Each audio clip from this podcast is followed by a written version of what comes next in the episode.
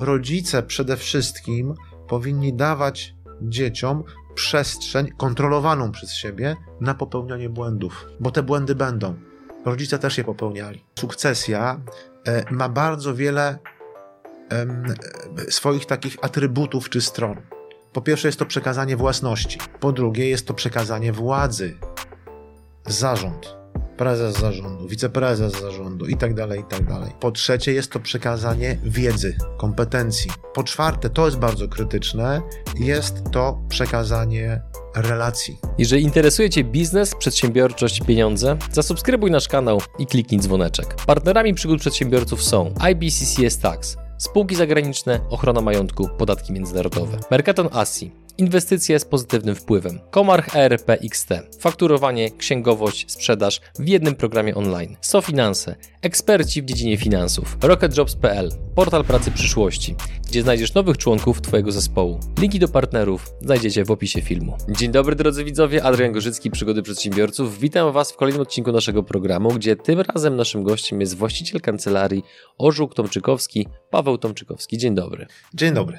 Tak tylko, żeby dać na sam początek naszym widzom e, skalę, z jaką, w, w jakiej działacie, no to w biznesie jesteś od 25 lat. Zgadza się? Tak. Rocznie generujecie ponad 20 milionów złotych przychodu. E, jeszcze trochę poniżej, ale mam nadzieję, że w tym roku już tą e, liczbę, tą wartość przekroczy. Okay, to trzymamy kciuki. I na pokładzie macie 60 osób. Tak. I, I dzisiejszy temat będzie dotyczył przede wszystkim sukcesji. Więc drodzy widzowie, jeżeli jest to przed wami zarówno z perspektywy, która dziedziczy, bądź z perspektywy, która będzie osoby, która przekazuje ten majątek, to ten odcinek jest przede wszystkim dla was. Jakiś czas temu bardzo popularny w powiedzmy takiej szeroko rozumianej popkulturze, mainstreamie był i jakby nie patrzeć nadal jest serial Sukcesja, który pokazuje takie dość e, brutalne oblicze tego procesu. Czy to jest przerysowane, czy może to tak faktycznie wygląda, kiedy, na, kiedy to mówimy o pułapie pieniędzy rzędu setek, dziesiątek, milionów złotych bądź miliardów. I tak i nie, bo determinantą zachowań, działań ludzkich e, najczęściej, można powiedzieć, jest miłość albo pieniądze. I władza też, bo podobno ona najbardziej pociąga. E, więc e, to powoli przychodzi też do Polski i e, zawodowo mamy do czynienia też z takimi sytuacjami, nawet e, w skrajnych sytuacjach e, związanym z tym, że trzeba powiadamiać organy e, ścigania, policję czy prokuraturę, wtedy, kiedy ta sukcesja w grę wchodzi, bo ta sukcesja może być pozytywna, w sensie takim, że my uzgodniliśmy coś z dziećmi czy z innymi sukcesorami, bo to nie zawsze musi być krąg tej takiej najbliższej rodziny. Ktoś, kto mówię tutaj o sukcesji w biznesie. Ktoś, kto najlepiej prowadzi przedsiębiorstwo, e, nie musi być moim synem czy moją córką. To może być bratanek, to może być synowa i tak dalej, i tak dalej. Jak I ten... to reagują dzieci takiego przedsiębiorcy, kiedy dowiadują się, że firmę wartą kilkaset milionów poprowadzi ktoś, kto jest z dalszej rodziny, jakby nie patrzeć? Różnie. Różnie w sensie takim, że na pewno e, jeżeli to dziecko, czy te dzieci chcą być zaangażowane w biznes i są zaangażowane i takie decyzje są podejmowane, to jest im po prostu przykro. Ale z drugiej strony, jeżeli są zaangażowane w biznes, to najczęściej są tymi sukcesorami. Natomiast mogę sobie wyobrazić, nie wyobrazić, bo takie sytuacje się absolutnie zdarzają często, że dzieci nie chcą przejmować z różnych przyczyn firm. E, dzieci nie chcą przejmować dlatego, że te dzieci widziały w latach 80. i 90., jak rodzice ciężko pracowali. E, w prywatnym biznesie nie ma drogi na skróty. Trzeba nie zawinąć ma. rękawy e, i nie pracuje się 8 godzin dziennie i nie każdy weekend jest wolny, tak? I te dzieci e, wychowywane przez rodziców bardzo często, no, no ci rodzice nie mieli czasu też odpo odpowiednio wiele, żeby poświęcać uwagę dzieciom, nie chcą w ten Czasami słyszymy kanał wpadać i e, czegoś takiego samego fundować e, swoim dzieciom. I stąd też te wybory, inne zupełnie. Mhm. Jakie to są wybory? E, Najczęściej. To są szkoły artystyczne, to często też są, mimo tego backgroundu um, biznesowego, bo idź synu, córko, czy my ci idź, może nie nakazujemy ci tego, ale my dopingujemy ci, żebyś takiego wyboru dokonała. Idź na przykład do szkoły biznesowej. No, jest to zarządzanie, jest to marketing, są to jakieś finanse. I e, to dziecko, mimo tego, że na te studia e, poszło, że jest w trakcie albo już ukończyło, to mówi tak, wiesz, ale bardziej fascynują mnie startupy. Nie jakiś biznes standardowy, taki konwencjonalny, bo mnie fascynują nowe technologie. A my tutaj, mamo, tato, mamy taką normalną produkcję albo handel. To nie jest mój świat i nigdy pewnie nie będzie.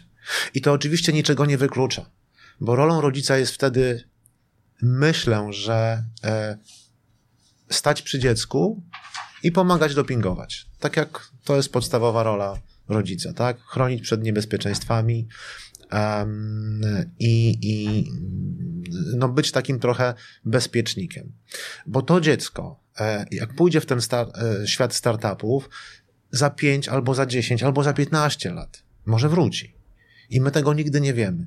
Z różnymi sytuacjami zawodowo mieliśmy do czynienia i te scenariusze są takie jak losy ludzkie, słuchajcie. E, my tego nie wiemy. Mhm. Wracając jeszcze do tego serialu, czy byłeś świadkiem takich sytuacji, że na przykład właśnie e, Nestor rodu, który przekazuje majątek, na przykład w pewien sposób, świadomie bądź nie, wprowadza pewną rywalizację pośród swoich dzieci, żeby zobaczyć, który z nich jest najbardziej głodny e, i przejęcia władzy właśnie w firmie, przejęcia władzy nad lwią częścią majątku? Czy to jest jednak taki wymysł raczej powiedzmy e, kina? filmu? Myślę, że w dużej mierze rodzice już wiedzą. E, obserwują te dzieci przecież od urodzenia i jeżeli te dzieci związane są z firmą rodzinną, to ten rodzic wie, że ten syn czy ta córka, ten najstarszy, może ten średni, czy ten najmłodszy, czy, czy, czy podobnie z córkami, on najlepiej by się do tego nadawał. Natomiast y, potem krytycznym wyborem i krytyczną decyzją jest to, jakiego podziału dokonać sprawiedliwego. Ale porówno, czy, to, czy porówno znaczy sprawiedliwie? To, to jest krytyczne pytanie. Co pokazuje praktyka? Że jeżeli chodzi pewnie o własność, no na, najczęściej jest to porówno. Albo separowane, izolowane są pewne aktywa. Na przykład mamy trzy spółki, tak? Jedna jest spółką dominującą, to no mówimy, że to dziecko się w niej najlepiej sprawdzi, to no niech ono zarządza tą spółką. Um, a jeżeli mamy jakieś powiedzmy dwie inne, to przekazujemy innym dzieciom i być może jakieś wyrównanie e, w płynnych aktywach, w środkach finansowych, e, żeby to było no, bardziej sprawiedliwe. Natomiast powiem też tak, e, zwykle jak się pyta polskich przedsiębiorców, ile macie dzieci? No, dwójkę, trójkę, czwórkę, a jest jeszcze to jedno dziecko i tym dzieckiem ostatnim czasami nawet ważnym, podobnie jak moje dzieci, albo może najważniejszym dla niektórych, jest ta firma. I to też jest dziecko. I dlatego sukcesja jest trudna, no bo dziecka się nie sprzedaje. Dziecko trzeba oddać w dobre ręce i albo oddajemy je w te ręce w rodzinie, albo jeżeli ta rodzina mówi nie, nie chcemy, no to myślimy, to, to może ktoś z tego managementu naszego, e, a jak nie, no to trzeba jednak sprzedać, ale w dobre ręce. I to jest dla polskich przedsiębiorców bardzo ważne. Mhm. To też jest kwestia odpowiedzialności biznesu. Ja już tutaj nie mówię o CSA, że jakichś tam górnolotnych różnych określeniach, tylko o tej takiej lojalności wobec tych pracowników, którzy stali ze mną przez te 30, a może i więcej lat. Ja znam ich, ja znam ich żony, y, dzieci i tak dalej, i tak dalej. E, I co teraz? Więc w dużej części, jak e, też o, no, jesteśmy przy procesach e, transakcyjnych, bo też, też się tym kancelaria, Co to znaczy? którą prowadzę, zajmuje. No jeżeli dzieci mówią, że nie chcemy, a e, firma jest dość dużo warta i ten zarząd czy inne osoby nie są w stanie jej wykupić nawet z pomocą lewarowania bankowego, no to wtedy szuka się nabywcy na zewnątrz. Um, I tutaj, tutaj też dla polskiego przedsiębiorcy ważne jest to, jakie będą gwarancje w zakresie zatrudnienia, rozwoju dla, e, dla pracowników. Mhm. Kolejne pytanie, ponieważ w swoim otoczeniu mam mm, całkiem sporo osób, które stoją przed perspektywą tego, że będą dziedziczyły biznes. Wiecie, że o Was mówię. To powiedz mi, Jakie ty obserwujesz błędy, zarówno z perspektywy, nazwijmy to, seniorów, którzy przekazują ten majątek, ale też błędy z perspektywy juniorów, którzy ten majątek mają przejąć? co jedna i druga strona robi takiego, być może nawet w sposób nieświadomy, co utrudnia bądź sabotuje ten proces? Myślę, że po pierwsze, e, ta sukcesja, o sukcesji myślimy, myślimy e, za późno. E, ja uważam, że dobrze przemyślana sukcesja powinna być zarządzona, w sensie przygotowane dokumenty, mhm. e, nawet być może ogłoszona, no gdzieś do 55 roku życia, maksymalnie 60 właściciela czy właścicieli e, danej firmy. Dlatego, że wtedy e, to, na co patrzymy krytycznym okiem, to co jest dla nas najważniejsze, to są kompetencje. To są kwestie rozwojowe E, to są kwestie jasnego określenia i zweryfikowania, powiedzenia sprawdzam, czy ty synu, czy ty córko, czy wy będziecie najlepiej rokowali. A potem, no im człowiek jest starszy, to mniej wrażliwy jest na kwestie kompetencyjne, a bardziej na kwestie emocjonalne. Liczy się tylko jedno generalnie. No, to, że to jest moja córka i to jest mój syn. A e, też myślę, ważne jest to z percepcji, e, chodzi o odbiór potem tej całej sukcesji wewnątrz firmy i na zewnątrz. Bo mamy różnych interesariuszy. Mamy, mamy tą załogę naszą, mamy e, naszych kontrahentów, mamy konkurentów, mamy banki, które nam pomagają i teraz no, dokonujemy tej sukcesji. I jeżeli ci interesariusze będą też przeświadczeni, że to był optymalny wybór, bo ten syn czy ta córka po pierwsze z jakimś tam e, backgroundem edukacyjnym odpowiednim, z praktyką, może niekoniecznie w firmie ojca, matki, ale gdzieś tam na zewnątrz, w świecie, bardzo często, e, a potem dopiero powróciwszy do firmy, taką decyzję podjęła, czy wspólnie podjęli, to to jest najlepszy, to to jest optymalny scenariusz. To jest optymalny scenariusz, tak? Sukcesja, to co jest myślę bardzo, bardzo istotne, bo mogę powiedzieć, to, to tak sexy brzmi, sukcesja, no, fajna rzecz. Ale mogę, możemy się zapytać, co to jest sukcesja. No to ktoś powie, słuchaj, to jest testament. Koniec, kropka. No to, co więcej, tak? Dostajesz te akcje, udziały, jest załatwione, jest załatwione. Albo dziedziczenie ustawowe, jak nie ma testamentu. Tylko, że sukcesja e, ma bardzo wiele e, swoich takich atrybutów czy stron. Po pierwsze jest to przekazanie własności. Tak, to jest ten testament. Po drugie jest to przekazanie władzy. Zarząd. Prezes zarządu, wiceprezes zarządu i tak dalej, i tak dalej. Po trzecie jest to przekazanie wiedzy, kompetencji. Miękkich, różnych, twardych i tak dalej, i tak dalej. Po czwarte, to jest bardzo krytyczne, jest to przekazanie relacji. Mogę powiedzieć, że mój biznes to jest to. Zawartość telefonu. To jest, nie wiem, 200 najważniejszych telefonów. To jest wartość. Tak? Zadzwonię, ktoś odbierze. I jak się zapytam, słuchaj, jest taka i taka sprawa, pomożesz? Tak, pomogę. To są te relacje. Ale żeby te relacje były przekazywane w procesie sukcesji, to ta druga strona, która ma odebrać ten telefon, no musi też być przekonana, że ten, kto dzwoni, no to rzeczywiście on, on on to ogarnie, mówiąc kolokwialnie. Jest poważną tak? osobą, do, rozmowy, a nie do rozmowy, a nie aż i tylko sukcesorem. Więc to jest krytyczne. I to nie są bardzo, to nie są proste rzeczy. I myślę, że taki proces sukcesji zaplanowanej e, zaczyna się gdzieś, jak to dziecko, czy te nasze dzieci mają 12-13 lat. On się zaczyna przy rozmowach, przy stole. Jak ktoś ma 20-25, to już jest za późno, twoim zdaniem? E, e, to zaraz się do tego odniosę. Rozmowy mhm. przy stole. Dlatego, dlaczego? E, bo dziecko też zaczyna żyć tą firmą. Ono ją kupuje niejako Nasiąka. podprogowo, emocjonalnie też, bo to jest krytyczne. To jest krytyczne, bo potem się pojawią e, koszty alternatywne. To ile dziecko jesteś w stanie poświęcić? Zobacz, tutaj koledzy, koleżanki, hmm. wiesz, wyjazd na miesiąc, na dwa miesiące gdzieś tam, a ty, a ty tutaj co, na praktykach w wakacje?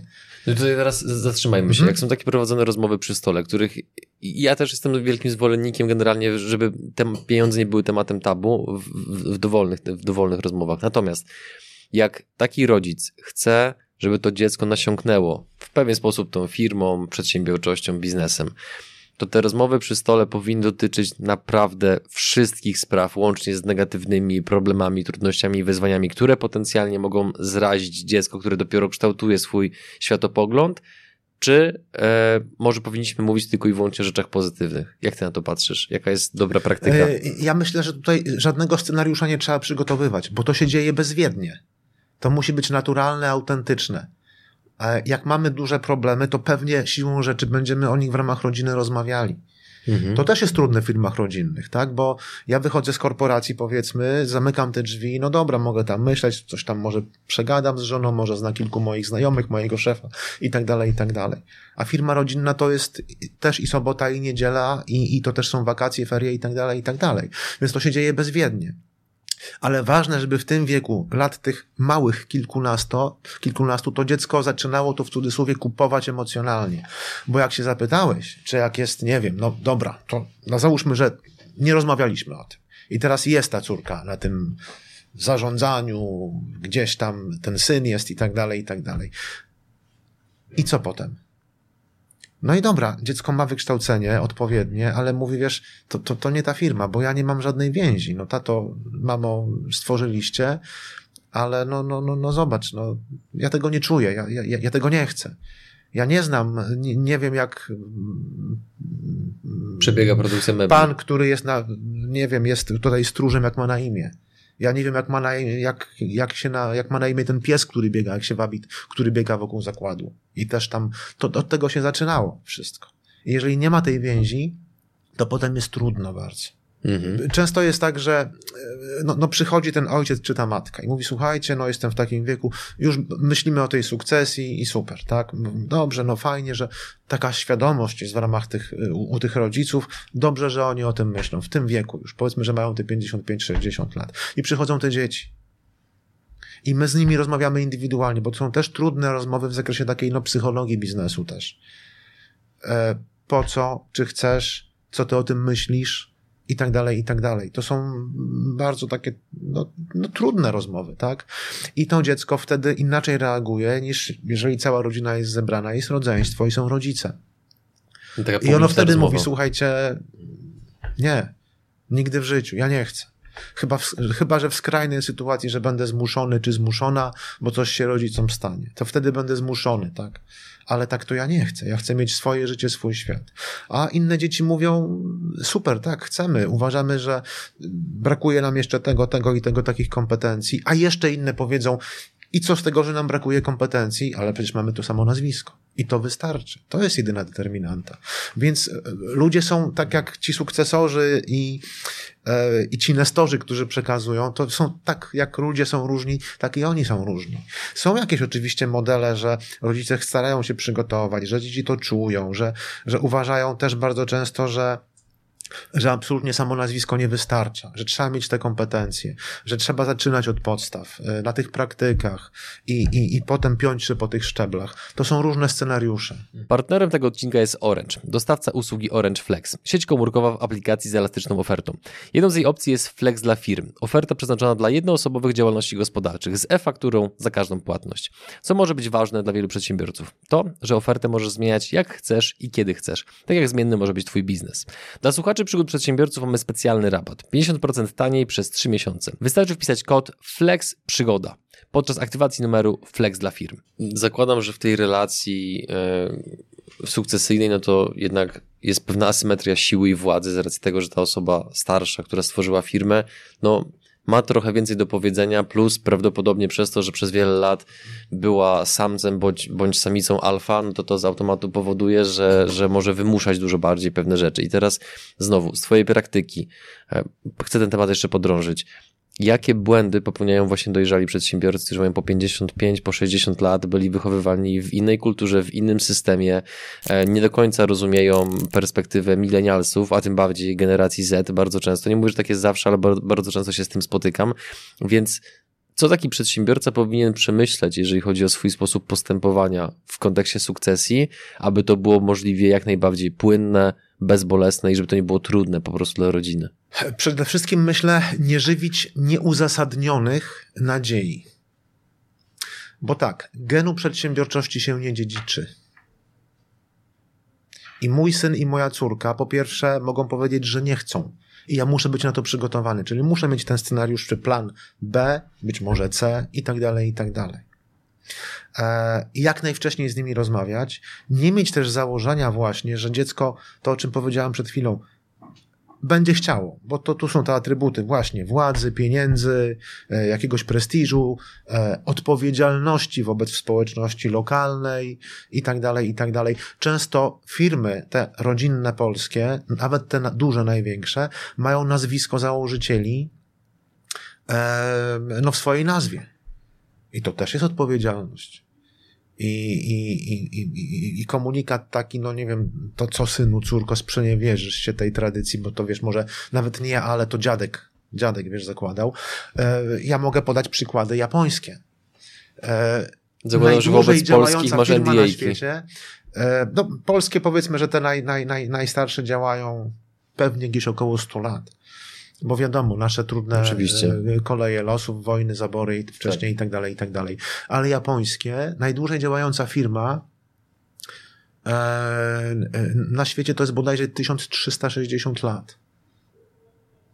Pokolenia. To jest nie do wyobrażenia. Odpowiedzialność. Ale zarazem jakie jarzmo. Jaki ciężar. Co, ja wiem, że ileś tam powiedzmy, nie wiem, no, no, no tych pokoleń 50 prowadziło i co? I ja odejdę z tego? Jeszcze, to, to są też istotne kwestie uwarunkowań kulturowych. No, e, kwestia, no, jak mówimy powiedzmy o tej Azji Wschodniej, tak? Co się liczy, jednostka czy społeczeństwo? Wiemy, że nie jednostka, absolutnie. I dlatego być może tam się to tak udaje. Mhm. Ale są też firmy, we Włoszech jest bardzo dużo starych firm rodzinnych, tak? To też są kwestie tradycji jakiejś, tak? W Polsce wiadomo, my tych przedsiębiorców mamy bardzo dużo. Ten duch przedsiębiorczości jest u nas bardzo dobrze, bardzo mocno rozwinięty. E, I to też jest dobry, dobry prognostyk na przyszłość. E, martwi jedynie to, że to otoczenie legislacyjne, czy prawo, E, nie jest dostosowane do tych wyzwań, przed którymi nestorzy i spadkobiercy stają. Mhm. Wiem, że przed nagraniem mm, uprzedzałeś mnie, że obowiązują cię dość rygorystyczne umowy poufności, więc nie możesz pewnych rzeczy mówić. Natomiast czy możesz na przykład zdradzić, jaka była skala majątku największego, który pomagaliście pod kątem sukcesji, żeby właśnie został przekazany? Myślę, że 5 miliardów złotych, może, co, może 7. I, I co było najtrudniejsze w tym procesie? Ech, w tym konkretnym przypadku. Tak jak powiedziałem, e, to, to, to sexy e, e, brzmi, tak? To nie jest testament. Z naszej perspektywy prawników i doradców podatkowych, którzy się zajmują sukcesją, to oznacza przede wszystkim przeprowadzenie audytu tego majątku bardzo szybko, uproszczenie tego, co jest, bo bardzo często to są jakieś rozwiązania, które no, były dobre 10 lat temu, 15 lat temu, czasami jakieś spółki zagraniczne, holdingowe, e, czy jakieś pozostałości. E, to są nieefektywności prawne, finansowe, e, podatkowe. To są czasami też ryzyka i to trzeba, mówiąc kolokwialnie, posprzątać. Jak masz coś przekazać dziecku, to niech to będzie, będzie bezpieczne i niech tam nie będzie tej miny, tak? Natomiast, więc to jest taki pierwszy etap, ten audyt taki. No potem, potem jest kwestia e, rozmów. Rozmów z rodzicami, rozmów z dziećmi, e, czy ty rzeczywiście chcesz, czy nie chcesz, wiemy, to tak wygląda. Potem jest kwestia stworzenia odpowiedniego systemu motywacyjnego, no bo ktoś powiedzmy będzie w zarządzie i będzie budował wartość firmy, a ktoś będzie tylko biernym, czyli tylko aż i tylko właścicielem, a nie będzie zarządzał, bo nie chce ale są więzy krwi i one na przykład determinują. Więc tutaj tych scenariuszy jest bardzo wiele, bo też te przedsiębiorstwa polskie są na różnym etapie wdrażania tych scenariuszy. Część już pewnymi rzeczami zarządziła, bo przychodzimy, a tutaj dzieci, no już, no w Polsce zwykle się darowuje te udziały czy akcje spółek, tak? Więc te dzieci już mają na przykład i teraz rodzice chcą stworzyć jakąś powiedzmy, e, czy fundację rodzinną, czy która będzie tym zawiadywała. Na chwilę obecną może to być tylko fundacja zagraniczna, no bo Polska, e, przepisy dotyczące Polskiej Fundacji Rodzinnej, no, nie weszły jeszcze w życie, mam nadzieję, że już niedługo wejdą, e, więc zagraniczna fundacja albo jakaś e, spółka holdingowa inwestycyjna, rodzinna spółka inwestycyjna, to są różnego rodzaju struktury. Natomiast ta sukcesja, no już w momencie, jak się pytasz o, o, o tę wartość, to jest tak, że e, ta sukcesja może być pozytywna albo negatywna. bo myślę, że najgorsz, najgorszym e, scenariuszem to jest coś takiego. Działam sobie tutaj, w tym swoim lokalnym otoczeniu. Znam, jestem szanowany, zasłużyłem na to i super. E, mam testament. Ten testament napisałem, przygotowałem 10 lat temu. Mam znajomego notariusza, z jego pomocą to zrobiłem. Natomiast e, ja uważam, że testament powinien być bardzo dobrze przemyślany w kontekście bezpieczeństwa.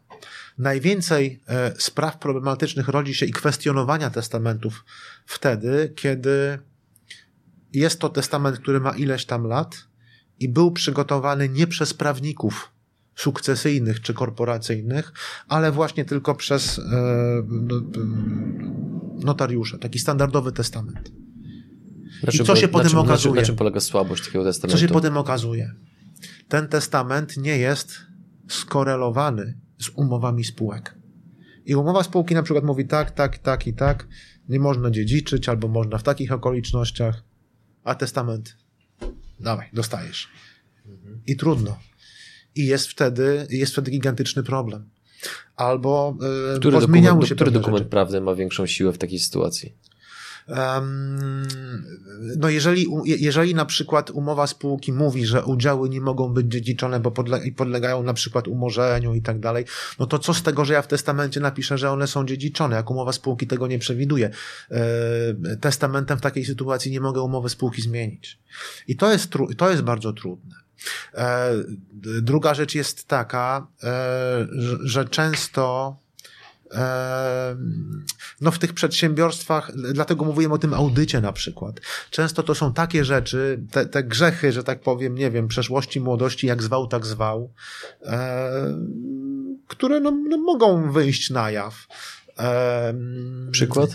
I dziecko o tym wie albo, albo nie wie, no powiedzmy jakieś tam kwestie, nie wiem, e, ryzykowne podatkowo działania, które były, które były dokonywane i mało kto o tym wie. Czy mówiąc kolokwialnie jazda po bandzie w aspektach E, prawdopodatkowych? Ja nie mówię nawet po bandzie, tak? Chodzi o kwestię często do, dokładania bądź niedokładania należytej staranności w podatkach pośrednich, e, w VAT-ie czy w akcyzie, e, czy o kwestię, nie wiem, apetytu czy awersji na ryzyko związane z, z tą agresywną optymalizacją podatkową, tak? No, do, coś tam robiliśmy, przełożyliśmy aktywa, akcje, udziały do jakiejś spółki celowej, Potem ona dokonywała transakcji. To są różne, różnego rodzaju modele były kiedyś stosowane i czasami jakieś naleciałości są, E, a te efekty podatkowe mogą się naprawdę ujawnić po latach. I to jest bardzo ważne, bo nawet jeżeli to, co było robione, to było robione e, zgodnie z prawem, Urząd Skarbowy zawsze może mieć inne, inny ogląd sytuacji,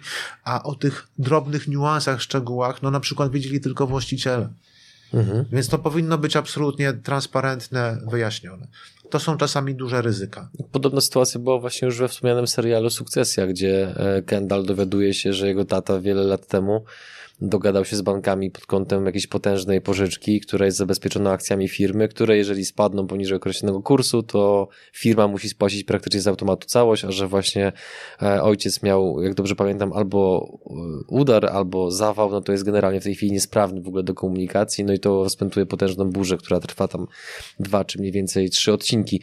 Idąc dalej, Powiedziałeś wcześniej mm, na, w, na- w naszej rozmowie, że bardzo ważnym elementem jest przekazanie relacji, że zawartość skrzynki kontaktów, mm, listy kontaktów jest no, po prostu bardzo cennym aktywem w firmie. I teraz znowu, z Twojej praktyki, z Twoich obserwacji, jak przekazywać relacje mądrze?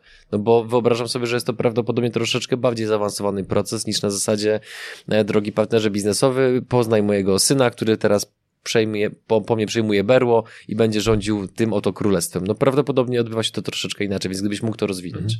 No tak to pewnie mogę powiedzieć w banku, tak? E, No bo ba bank się cieszy, że jest ta kontynuacja. E, Zresztą myślę, że w Polsce to też zaczynamy obserwować to, co jest e, istotne z perspektywy e, finansujących instytucji, że mamy zarządzony e, obszar sukcesji. Czyli idę do tej instytucji finansowej, mówię, słuchaj, mam na przykład tutaj e, fundację rodzinną, są takie testamenty przygotowane, to jest, gdyby coś się stało, to wiemy, że dzieci chcą, mogą, bo mają kompetencje i wtedy ta instytucja finansowa, ten bank na przykład, no inaczej patrzy na taką firmę. Ważne myślę jest to, żeby e, to dziecko, ten sukcesor, czy ci sukcesorzy budowali własne relacje. To jest krytyczne z punktu widzenia rozwoju firmy.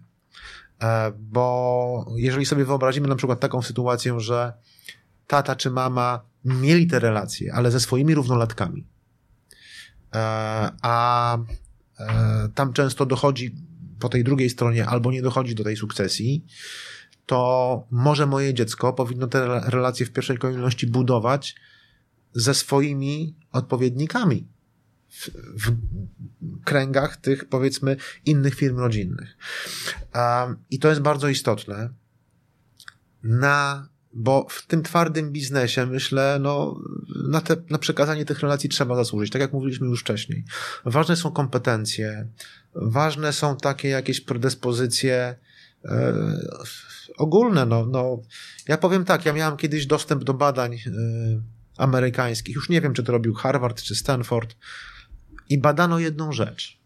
Porównywano absolwentów topowych uczelni biznesowych, powiedzmy top 10 na świecie. I badano ich kariery. Dlaczego jednym wyszło, a drugim nie wyszło? Co takiego było, jaka była determinanta? I załóżmy, że kryteria brzegowe sprowadziliśmy do wspólnego mianownika ten sam majątek rodzinny, ten sam background edukacyjny, podobne ambicje i tak dalej, i tak dalej. No mhm. i po tych analizach, tam bodajże było 1300 osób przebadanych, uczeni doszli do wniosku, że tym wyróżnikiem jest jeden czynnik. Moc sprawcza. Niektórzy mówią szczęście. Niektórzy mówią, że jemu to się udaje, czy jej się udaje i no, nie mieli, no, nie byli w stanie tego wyizolować, tego innego, innego czynnika. E, e, ta moc sprawcza. I to też w tych relacjach chodzi, tak? Czy. E, Jak rozumiesz słowa, słowa moc sprawcza? Przykład, poproszę.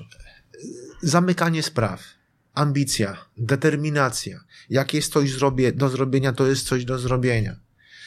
A i to też nie jest tak absolutnie, że wszystko nam wychodzi za pierwszym razem w życiu, w każdym biznesie. Ja przyznam szczerze, że jak się patrzy na przykład na siebie, to przepraszam za taką dygresję osobistą, ale e, no, my zaczynaliśmy od kancelarii wyspecjalizowanej w podatkach. No i ci klienci nasi przychodzili przez lata, mówili, Paweł, e, jak zapewnisz podobną jakość e, e, obsługi prawnej, już nie tylko podatkowej, ale prawnej, to my będziemy dawali zlecenia, to też byśmy chcieli, żebyście nas obsługiwali. No i ja kancelarię prawną zakładałem cztery razy. Dlaczego? No, kwestia ludzi. To była kwestia ludzi. I w końcu, e, ale byłem zdeterminowany, bo wiedziałem, że jest synergia, że jest to, że jest to potrzeba, że jest to znak czasów i tak. No to oczywiście było ileś tam lat temu. E, i że warto. I że warto. I stąd e, no też trzeba się było zastanowić, w czym się wyspecjalizować, bo skoro się zajmowaliśmy podatkami to i głównie budowaliśmy relacje z właścicielami biznesu, no to naturalne się wydawało, że powinien być pierwszy zespół korporacyjny, zespół M&A, czyli transakcyjny, zespół sukcesji w biznesie właśnie i zespół procesowy. No ale, ale, ale nie wyszło od razu. Więc tutaj nie wiem, y, nie chcę sam siebie oceniać, tak, ale y, jak teraz tak patrzę na to retrospektywnie, to byłem zdeterminowany. Wiedziałem, wiedziałem, że na tym mi zależy, że tak trzeba. A to, że nie wychodziło, no to potem analizowałem, jakie błędy popełniałem. Mhm. I myślę, że wyszło. Jakbyś miał określić statystycznie, to jak się rozkładają udane versus nieudane sukcesje? Jako kryterium udane, nieudane przyjmijmy cokolwiek, co według ciebie jest kluczowe w tym procesie? Po pierwsze myślę, że w Polsce, i to są, jest to potwierdzane badaniami e, poważnymi, mniej więcej um, 15% się udaje. Firm jest przekazywanych. Przekazywanych, okej. Okay. To nie znaczy, że się udaje. E, I teraz, no to, to co znaczy ta udana sukcesja? Czy to znaczy, że firma w ogóle działa?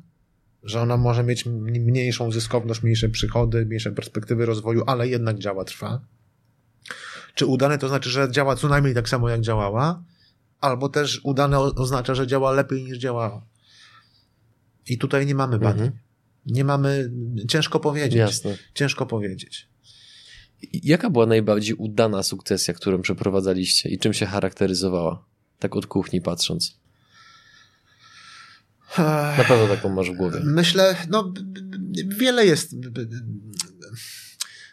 Przyznam szczerze, że e, taką ja mam naturę, że bardziej chyba pamiętam te trudne sprawy, te być może nieudane, te przykre, tak? Mhm.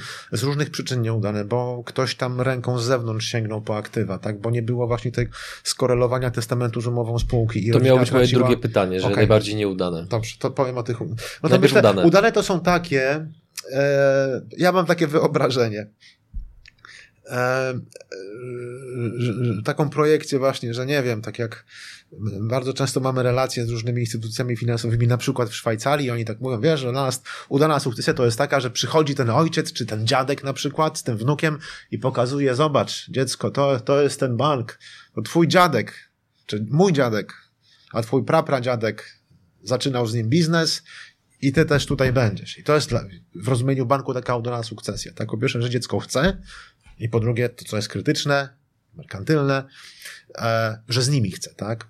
I teraz myślę, że udana sukcesja to znaczy to, że e, rzeczywiście ten kompromis sukcesyjny został wypracowany. Że, że, że na poziomie mentalnym, dla mnie to jest ważne tutaj na poziomie mentalnym. Poziom mentalny jest cholernie istotny. E, ja sobie przypominam taką jedną rozmowę. Miałem, miałem spotkanie z bardzo no, no powiedzmy z jednym przedsiębiorcą i on mówi, wiesz Paweł, bo u mnie to jest tak, ja to generalnie zatrudniam studentów albo absolwentów AWF-u. A ja mówię, jak to? Przecież firma produkcyjna, inżynierowie powinni pewnie być, inne osoby. On mówi, nie, to ja ich tego w ciągu pół roku albo roku nauczę. Ale zobacz, to są sportowcy. Jak nie wyjdzie, to on czy ona wie, że trzeba wstać następnego dnia o 6 rano i znowu iść na trening. Nie ma drogi na skróty. To jest sport. I to jest najważniejsze, to co się dzieje na poziomie głowy. Jaka to jest determinacja. Bo myślę, że i te kompetencje jakieś skrajne, merytoryczne, czy te pierwsze sukcesy nie są, wydaje mi się, na tyle e, istotne, żeby to była główna determinanta. Bo rodzice przede wszystkim powinni dawać dzieciom przestrzeń kontrolowaną przez siebie na popełnianie błędów. Bo te błędy będą. Rodzice też je popełniali. I jasne, myślę, że ta selekcja w tych latach, w, końcówce lat 80. i 90. była inna. Kto wygrywał? No ten, kto miał te łokcie twarde. Ojciec, matka, najlepszy dla siebie doradca biznesowy, prawnik, Eee, i tak dalej, i tak dalej. I lekarz, i wszystko, i wszystko. I wszystko wiedzieli najlepiej. I dzięki temu, i tu była totalna determinacja. Nie mm. było alternatywy. Nie było. Teraz jest inaczej. Teraz jest trochę inaczej. Dzieci po dobrych szkołach e, mają bardzo wiele różnych możliwości. I myślę, że teraz dobra sukcesja to oznacza też to, żeby to rodzice często przekonali dziecko, Mogę powiedzieć, nie wiem, jest na przykład czwórka dzieci. I, I wybór nie polega też na tym, to które z tych dzieci, czy w ogóle dzieci, ale na tym, żeby one, e, żeby one w ogóle chciały.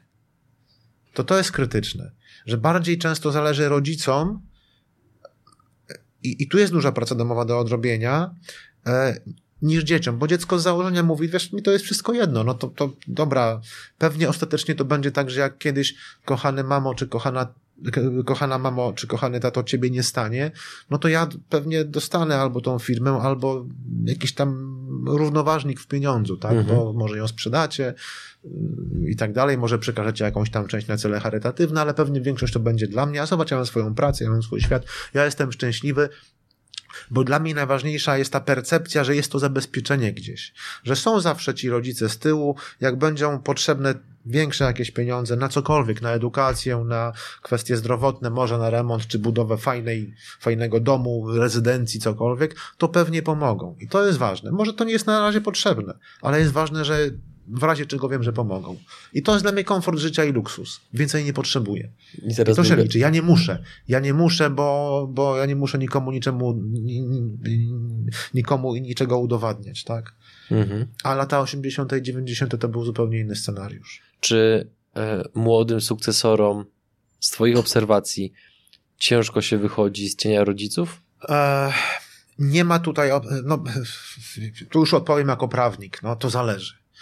Bo e, też mój taki przyjaciel, znany psycholog biznesu, powiedział kiedyś takie znamienne słowa, wiesz, jak chcesz mieć tego tygrysa, to nie możesz go chować w złotej klatce.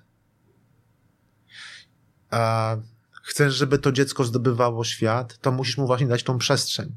Do tych błędów. A jeżeli ty jesteś takim ojcem i taką matką, jesteś tym panem jednowładcą i nie dajesz przestrzeni na decyzje, to po pierwsze. Dwa, nie dajesz przestrzeni na błędy, to słabo. I takie dzieci często właśnie mówią, e, nie chcę, bo wiemy, że póki mama i tata żyją, to nie pozwolą nam na podejmowanie decyzji. My patrzymy na to inaczej. Świat się zmienia. Ja powiem takiej jednej rzeczy. Znam, e, współpracuję z takim bankiem szwajcarskim jednym. Po, mogę chyba powiedzieć, że najbardziej taki prestiżowy, renomowany. Firma rodzinna. Działa w formie spółki osobowej. Od ponad 200 lat. Wszyscy wspólnicy, którzy są komplementariuszami, ponoszą odpowiedzialność całym majątkiem za zobowiązania banku. Jak zarządzili kwestią sukcesji? Ja mówię, jak to jest, że od tych 200 lat te same nazwiska w zarządzie i właściwie. Jak wy to robicie? Przecież te dzieci mają różne zainteresowania i tak dalej, i tak dalej. Te wojny was nie dotykały. Jak, jak to jest? A wiesz, mamy taki tutaj sześciostronicowy dokument i my tak sobie tutaj to przygotowaliśmy. No i dostałem ten dokument, przeczytałem z zainteresowaniem i tam jest na przykład taka informacja. Możesz być prezesem banku, ale musisz mieć co najmniej 55 lat. Dlaczego? Bo widziałeś nie jeden cykl koniunkturalny. Czyli możesz mieć 35, dowozić nie wiadomo ile. Tu bitcoiny, nie bitcoiny, cokolwiek, nowe technologie i tak dalej, i tak dalej. Nie. Świat jest inny. Jest wiele zmiennych i musisz mieć szerokie spektrum, tą mądrość życiową.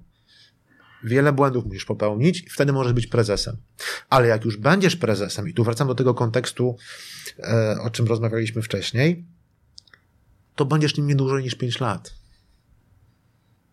Bo potrzebne jest nowe. Inne spojrzenie na świat. Mówiłeś o pokoleniach Y, Z i tak dalej, i tak dalej. X, to co było dla X dobre, to już jest passé, tak? I tu są konflikty, tu są kolizje. A ich klientami w jakiejś tam perspektywie, no będą ci ludzie z pokolenia właśnie Y, Z. Już nie X.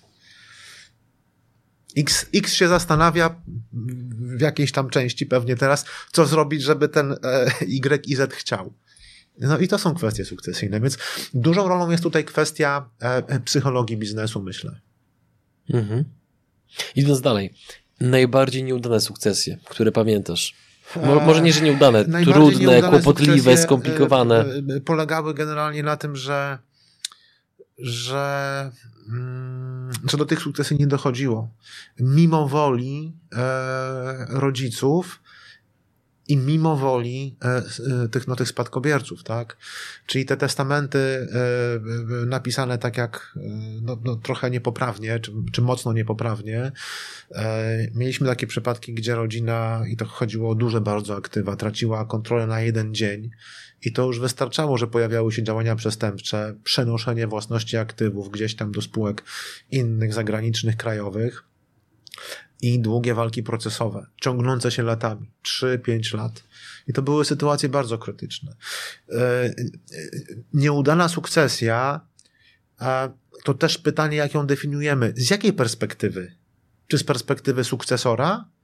Czy z perspektywy nestora? Czy z perspektywy biznesu? Uwaga. Dla kogo ona ma być udana, a nieudana?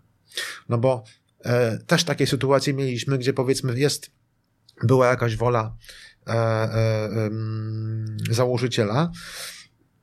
Potem okazywało się, że że trzeba z pewnymi działaniami przyspieszać, bo pojawiały się e, e, no, no, no choroby poważne i tak dalej, i tak dalej. E, I własność była przekazywana. Ale inaczej niż chciał tego pierwotnie ten założyciel. I jeżeli założyciel miał taką politykę, na przykład, że on e, przede wszystkim chciał budować wartość biznesu, rzadko kiedy wypłacał dywidendę, albo jej nie wypłacał, tylko skalował tę firmę, bo dla niego to, to było to właśnie, nie wiem, drugie, trzecie, czwarte dziecko, i, I jemu to dawało frajdę i niczego więcej nie potrzebował. Tych atrybutów władzy, pokazywania, co to nie on i tak dalej, i tak dalej, bo to nie był jego świat. I dzięki temu być może właśnie taki biznes, taki sukces osiągnął, a drugie pokolenie mówi nie. Nasze, na, na, nasze podejście jest inne. No my mamy te 40, te 45 lat, no to, to co my tutaj? Będziemy firmę rodzinną prowadzić? Ile będziemy czekać? Często jest też tak, że te koleje ludzkie, zwłaszcza jeżeli mówimy o, o, o biznesie, są mocno pogmatwane. To nie jest tak, że to jest ta pierwsza, czy druga nawet, czy trzecia żona, albo ten pierwszy, drugi, czy trzeci mąż. A jeżeli mamy takie sytuacje, to też inny jest interes dziecka z trzeciego na przykład małżeństwa, które ma pięć lat, a inny jest interes dziecka z pierwszego małżeństwa, które ma lat na przykład, nie wiem, 35. Co wtedy? Wtedy się dzwoni do dobrego prawnika od sukcesji. nie ma rady. E, no mamy różne mechanizmy tutaj, które możemy stosować, bo e, to prawo testacyjne spadkowe polskie nie jest doskonałe absolutnie. Jest skrajnie konserwatywne. My robiliśmy badania prawa spadkowego, zachowkowego w całej Europie. I okazało się, że prawo polskie, wyłączywszy Maltę, no też kraj katolicki z określoną e, kulturą, historią, e, prawo polskie jest najbardziej konserwatywne, wyłączywszy tylko Maltę. W Europie. W całej Europie. Nawet nie w Unii Europejskiej, w Europie. Czyli mamy te kwestie zachowkowe, e, te, te, te niedoskonałości, tak? Bo na przykład, jeżeli ja mam przedsiębiorstwo i ono jest warte 100 jednostek czy milionów, jak zwał, tak zwał. No i pojawia się, powiedzmy, jakiś zachowek do zapłaty. Strzelam 20 milionów złotych. To sąd mówi po pierwsze gotówka, a po drugie jednorazowo. I teraz jak?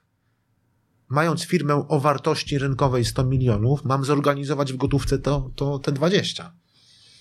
No jak? Albo się zalewaruję, idę do banku, albo muszę coś sprzedać. I to jest problematyczne. Nie ma miarkowania wartości, nie mamy takiej instytucji jak miarkowanie, wyłączywszy kwestie rolne dziedziczenie gospodarstw rolnych, nie mamy miarkowania e, wartości zachowku. Czyli bardziej patrzę się, powinienem się patrzeć na cash flow, e, na zdolność do wygenerowania tych płynnych środków, zastanowić, jak rozłożyć na raty e, i tak powinien procedować sąd. I to jest, to jest bardzo często spotykane za granicą. I to jest krytyczne, a poza tym e, to, co jest myślę dla nas bardzo, dla, bardzo, bardzo ważne. Ja temu bardzo mocno kibicuję i nie ukrywam tutaj, dużą rolę odgrywaliśmy jako kancelaria.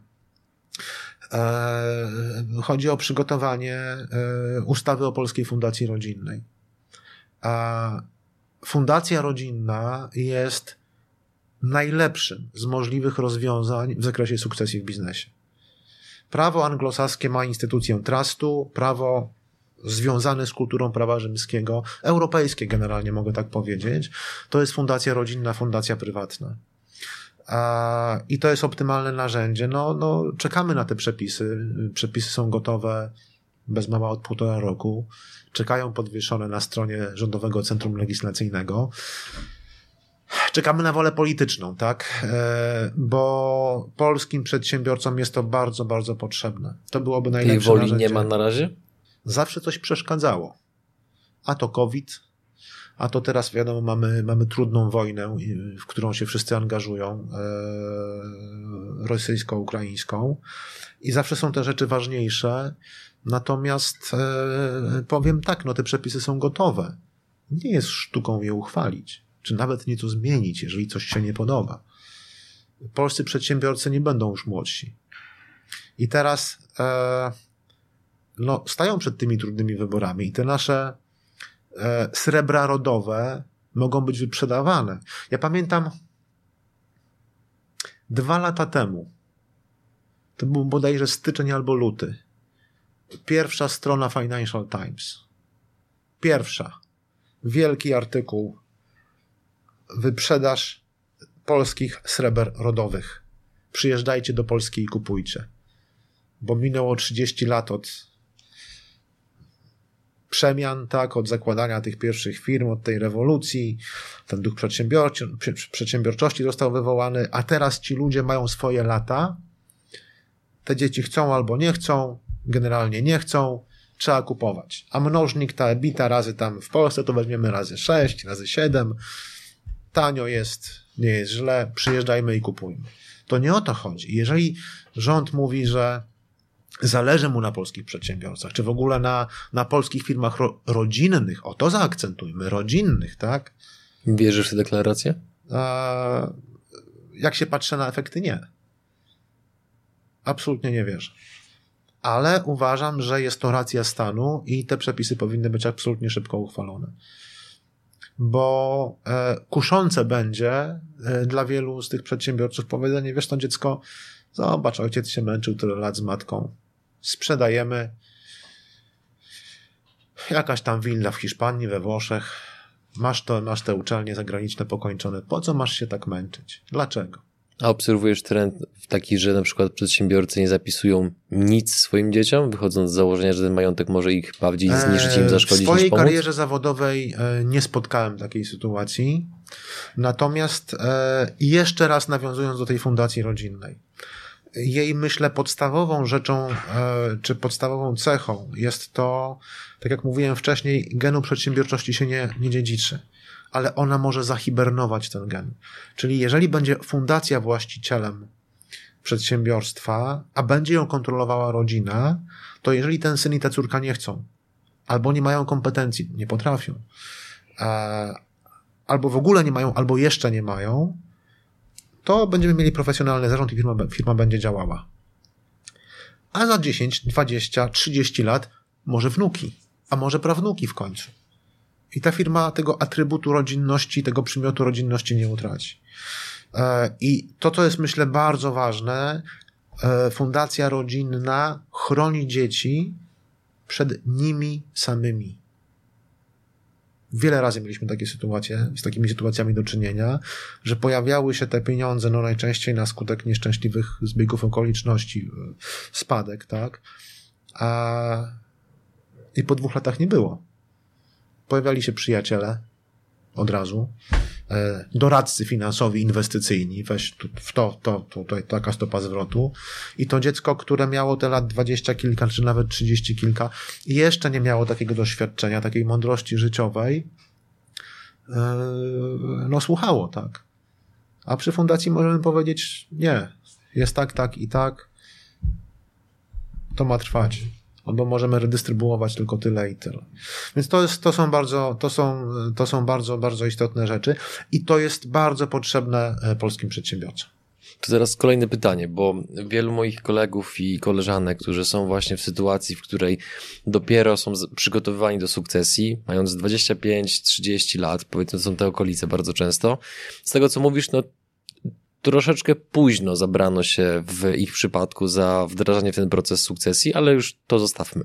W każdym razie jest tak jak jest. Mają 25-30 lat, są powoli przygotowywani do tego, żeby przejąć udziały w firmie. I wyobraźmy sobie sytuację taką, że dzieje się coś, o czym powiedziałeś przed chwilą. Nieszczęśliwy wypadek. Obydwoje rodziców, którzy zarządzają firmą, po prostu ginie w różnych okolicznościach ten młody gentleman, ta młoda dama zostaje praktycznie sam w obliczu takiej tragedii i w obliczu firmy, którą trzeba sterować. Gdybyś był na miejscu takiej osoby, miał tą wiedzę, którą masz, twoje doświadczenia, to co byś takiej osobie powiedział? Co ona powinna zrobić? Jakie powinny być pierwszych kilka kroków, żeby jakkolwiek spróbować opanować cały ten sztorm, z którym się właśnie mierzy? Myślę, że pierwszą rzeczą to jest uczciwy komunikat, bo zakładam, że to są firmy, które no, nie takie jednoosobowe działalności, a, a pewnie firmy, które zatrudniają tak, też pracowników czy współpracowników. To jest kwestia e, uczciwego komunikatu wystąpienia e, przed takim gremium i powiedzenia im, słuchajcie, albo ja już wiem, że ja chcę, żeby to działało, albo ja jeszcze nie wiem ale ufam, wierzę w to, że z waszą pomocą to damy radę i, i, i będziemy to prowadzili. A, no pewnie jeżeli dziecko wie od razu, że nie chce, no to, to nie będzie tego komunikowało, tak? Natomiast. Załóżmy, że chce. Uczciwość, więc to jest jakby kryty... myślę, że ta transparentność jest tutaj krytyczna w kontekście komunikacji. To jest pierwsza rzecz. Druga rzecz, no to y, szybkie zapoznanie się z, z dokumentami prawnymi. No rzeczywiście to była spółka, miała udziały czy akcje, jak to wygląda, e, też w kontekście reprezentacji czy ja mam uprawnienia do, do, do dokonywania przelewów, czy muszę poczekać, aż nabędę ten spadek i tak dalej, i tak dalej. To są kwestie formalne, bardzo, bardzo istotne. A potem myślę taki roadshow a, i spotkanie się z tymi najważniejszymi, najważniejszymi interesariuszami zewnętrznymi. Mamy bank, najczęściej, bo są jakieś linie e, kredytowe. Mamy głównych dostawców, mamy głównych odbiorców i też jasny komunikat. Słuchajcie, e, ja zrobię wszystko, pomóżcie mi i i myślę, że uczciwe, że, że, że ci wszyscy interesariusze, i wewnętrzni, i zewnętrzni, oni to instynktownie wyczują.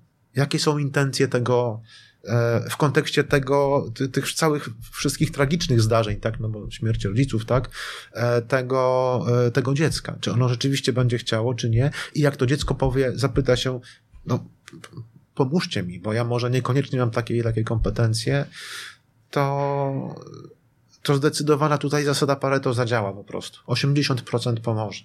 Tym sposobem dotarliśmy do końca naszej rozmowy, więc drodzy widzowie, słuchacze, zwłaszcza apel do tych z Was, którzy albo już są w procesie sukcesji, albo wiedzą, że ten proces Was za jakiś czas czeka.